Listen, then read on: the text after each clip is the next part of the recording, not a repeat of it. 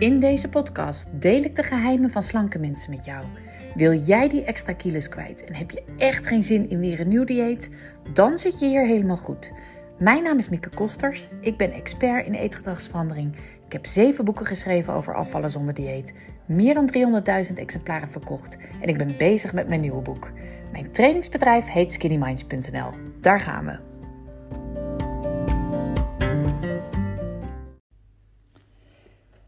Slanke mensen eten ook niet de hele dag worteltjes. Daar wil ik het vandaag over hebben. En uh, wellicht ken je dat wel, hè? dat gevoel dat je echt iets moet eten. Dat je zo'n onweerstaanbare eetdrang hebt. Zo'n uh, neiging om weer naar die kast te lopen. Hè, dat eigenlijk niets je tegenhoudt om nog een handje erop te pakken. Of nog chocola of chips. Of uh, nou ja, meestal is het um, eten wat je liever niet wilt als je er bewust over nadenkt. Maar wel wat je nodig hebt op het moment dat je echt die eetdrang had. Nou, als ik vroeger aan het dieet deed of aan de lijn deed dan nam ik bij dit soort eetdrang, uh, nou geen chocola maar dan worteltjes of komkommers of iets met weinig calorieën. Maar als je er goed over nadenkt, als je echt kijkt naar slanke mensen of mensen met een volwassen eetrelatie, dan zie je eigenlijk nooit iemand die de hele dag aan de worteltjes of de komkommers zit.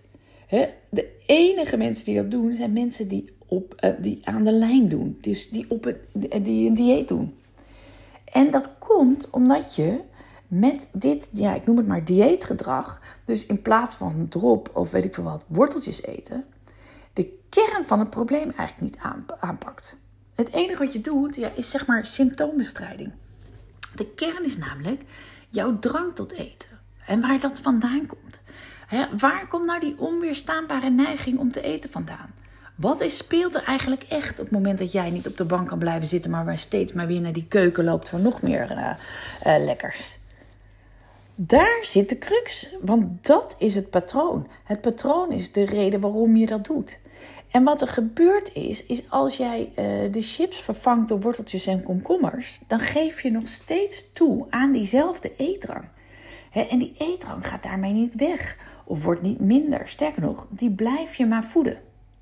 Door er iedere keer weer in mee te gaan, iedere keer weer uh, op in te gaan eigenlijk. En wat er dan vaak gebeurt is, kijk, als je, als je net begonnen bent in de dieet, je bent nog super gemotiveerd, dan denk je, goh, worteltjes zijn eigenlijk ook hartstikke lekker, komkommer is ook prima. En uh, ja, weet je, ik ben echt heel goed bezig, hartstikke lekker. Maar na een paar weken denk je, ach, een rijstwafel kan ook wel een keer. En op een gegeven moment zeg je, ik ben nog geen konijn. Um, en voordat je het weet, ben je na een paar weken of maanden um, weer gewoon terug bij die drop of chocola of chips of waar je dan ook maar van houdt of kaas. Omdat je het onderliggende patroon niet aangepakt hebt. Omdat je de onderliggende reden, de oorzaak eigenlijk van jouw eetdrang, uh, omdat je die niet aangepakt hebt. En daarom gaat het zo vaak mis met diëten.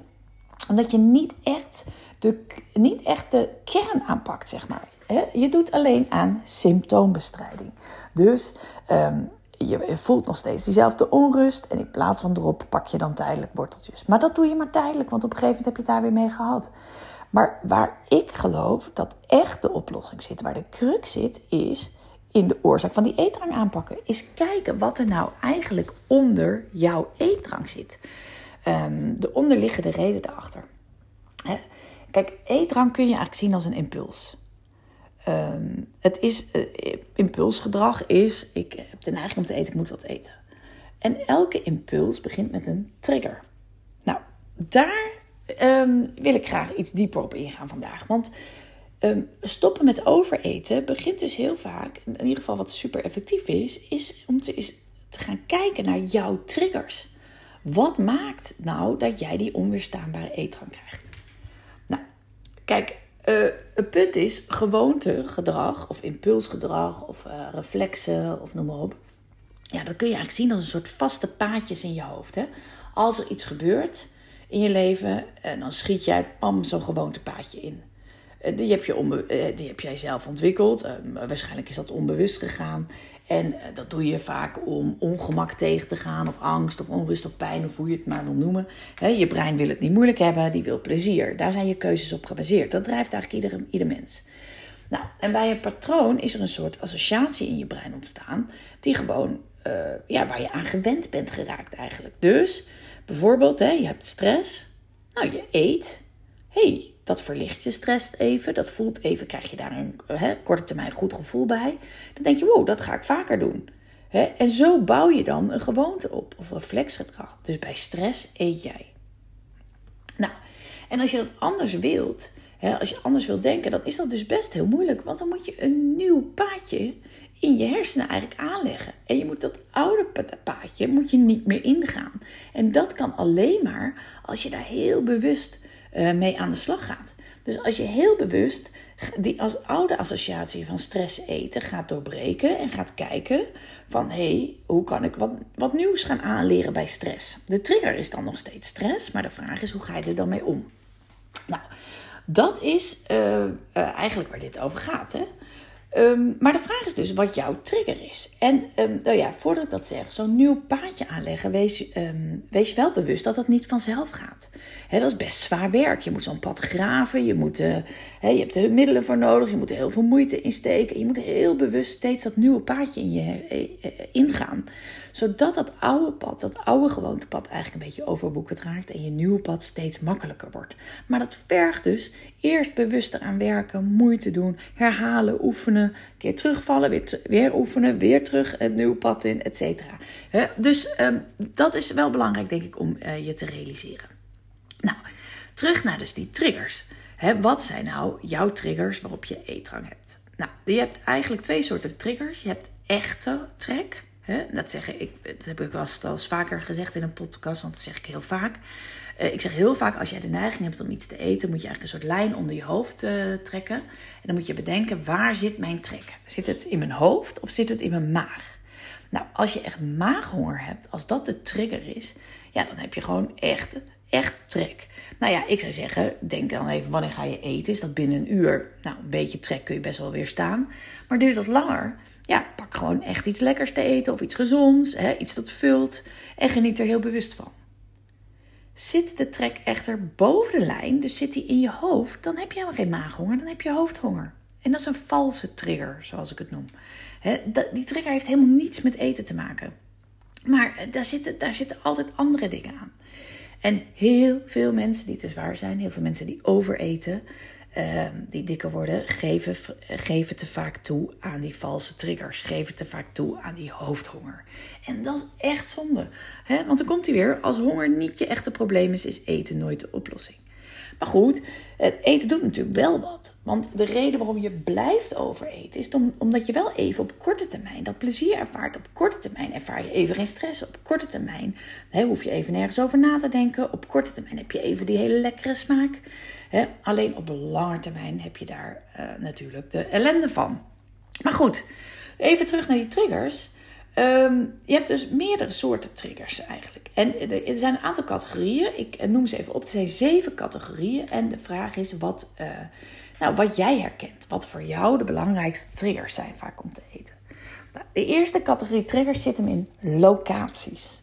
Soms triggert een locatie je eetgedrag. Bijvoorbeeld um, dat je altijd chips eet op de bank voor de tv. Dat kan he, op het moment dat je op de bank ploft eigenlijk al een trigger zijn om te gaan eten. Maar het kan ook bijvoorbeeld zijn uh, de bioscoop. Dat altijd als jij in de bioscoop komt, neem je popcorn of M&M's of weet ik veel wat. Dus dat is ook een locatietrigger. Nou, wat ook kan, uh, bijvoorbeeld het zwembad. of als je bij je ouders op bezoek gaat, hoor ik ook vaak. Of mensen die zeggen, ja, maar als ik eenmaal als ik bij mijn ouders op, op bezoek ga, val ik zo weer in mijn oude patroon. Dus dat is ook een locatie eigenlijk. Um, nou, benzinepomp kan er ook een zijn. Ik weet dat veel mensen dat ook wel hebben. Als ze tanken en ze lopen dat winkeltje in, dat ze eigenlijk altijd wat lekkers halen. Dus die locatie triggert je eetdrang. Het tweede is uh, activiteiten. Nou, het kan zijn, dan gaat u weer tv kijken. Dat is natuurlijk ook een activiteit. Maar het kan ook zijn, altijd als je pauze hebt op je werk, loop je automatisch even naar de droppot of zo. Of uh, misschien heb je de link gelegd tussen ontspannen. Oh, ik moet nu even ontspannen. Dat is ook een soort activiteit natuurlijk, door het eten bij. Dus er kunnen allerlei dingen in je hoofd zijn die je gekoppeld hebt aan eten. De volgende is zijn mensen. Het komt best wel eens voor dat je met bepaalde mensen, bepaalde vrienden, bepaalde collega's, bepaalde familieleden meer eet dan met anderen. dat je het gewoon gewend bent als dat als jullie samen zijn, ja, dan ga je altijd lekker eten. Um, soms hoor ik ook wel eens dat mijn partner is een feeder. Hè? Um, dat mensen, um, je hebt heel veel mensen die beschouwen hè, eten, eten geven of lekker eten voor iemand maken als een vorm van liefde eigenlijk. Dus als je bij die mensen komt, krijg je altijd heel veel eten. Uh, dus dat kan. Maar het kan echt van alles zijn. Dus mensen kunnen ook absoluut een trigger zijn. Nou, gelegenheden is de volgende. Dat is natuurlijk ook een, denk ik wel een herkenbare voor veel mensen. He, verjaardagen, feestjes, borrels, uh, gezelligheid. De, dat zijn allemaal voorbeelden van gelegenheden waar veel hapjes zijn, lekker eten, waar veel mensen over eten. He, ik dacht dat vroeger ook. Ik dacht vroeger altijd, ik mag niks, behalve als ik een feestje heb. Dan mag ik wel, want, dat, ja, want het is een feestje. Dan ga je niet opletten. Dus voor mij was een gelegenheid ook wel echt een belangrijke trigger. De volgende trigger zijn je zintuigen. Dus zien eten doet eten. Of je ruikt iets wat heel lekker ruikt. Of uh, hè, je proeft iets en dan wil je er meer van. Of uh, je schept je eten op aan tafel, je laat de pan op tafel staan en je ziet dat er nog meer in zit. Nou, dus je zintuigen be, ja, bevorderen heel vaak eetdrang als je langs de bakker rijdt en je ruikt die geur van vers gebakken brood, dan, gaat, dan, heb je echt, dan krijg je er echt zin in. Of bijvoorbeeld um, een schaaltje chocolaatjes. Ik weet niet of je dat wel eens had in een vergadering of zo.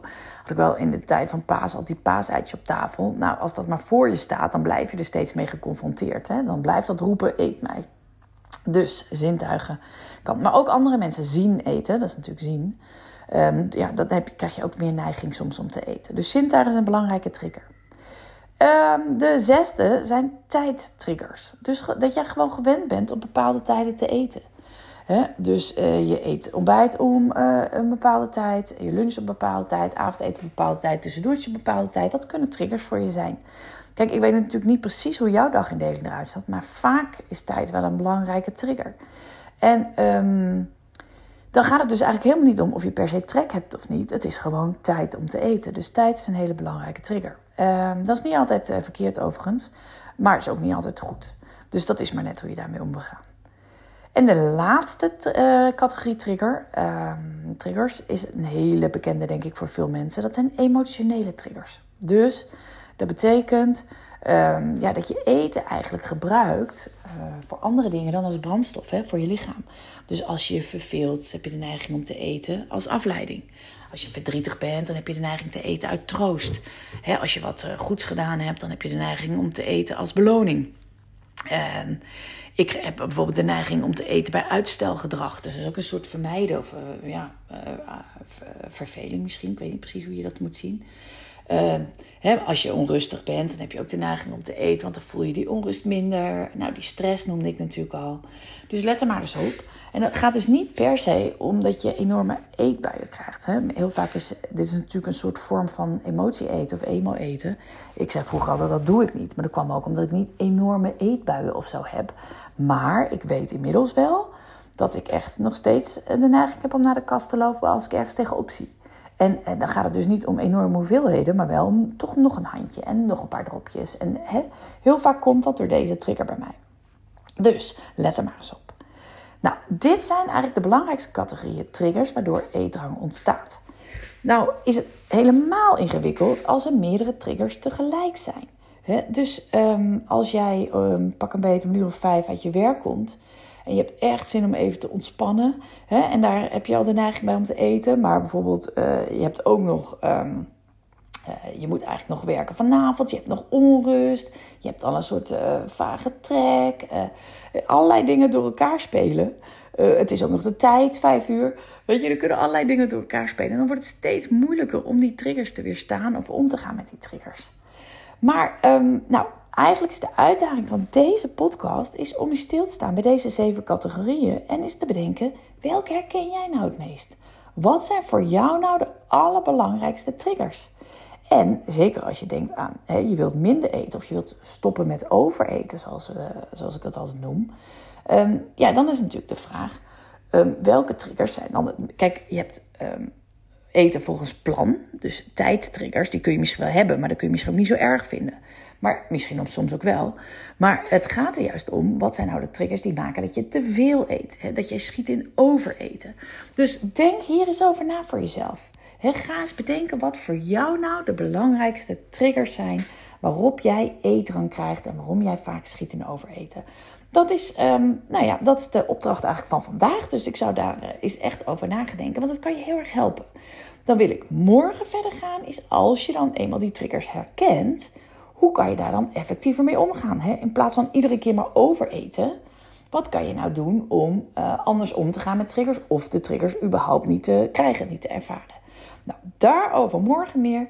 Eerst deze zeven categorieën. En ik ben benieuwd welke triggers jij het allermeest herkent. Oh ja, voordat ik het vergeet. Um, ik zet deze um, podcast 12 juli online. 13 juli is het volgende Power Event. En daar kun je je dus nog voor aanmelden. Ga snel naar skinnyminds.nl slash power-event. Het event gaat er echt om van hoe jij weer in een flow komt. Dus hoe jij echt weer kunt starten en weer dat uh, ja, gevoel kan krijgen dat afvallen als vanzelf gaat. Iedereen die succesvol is afgevallen, heeft ooit wel eens flow ge, gevoeld, denk ik. Dat is dat idee dat het bijna als vanzelf gaat. Je doet precies wat je wilt. Je komt je afspraken met jezelf na. Je voelt je fantastisch. Het kost je eigenlijk vrijwel geen moeite. Nou, hoe ontstaat flow nou? En hoe krijg je die steeds weer terug als je het kwijtraakt? Want het punt is, flow duurt nooit eeuwig. Bij niemand. Dus als jij nu wilt afvallen of op gewicht blijven, is het echt belangrijk dat je weet hoe jij die flow, hoe je dat kan beïnvloeden. Dat je die steeds sneller weer terugkrijgt. Dat je daar weer op stuurt. Daarover gaat het Power Event op 13 juli. En uh, nou, ik hoop van harte dat je erbij bent.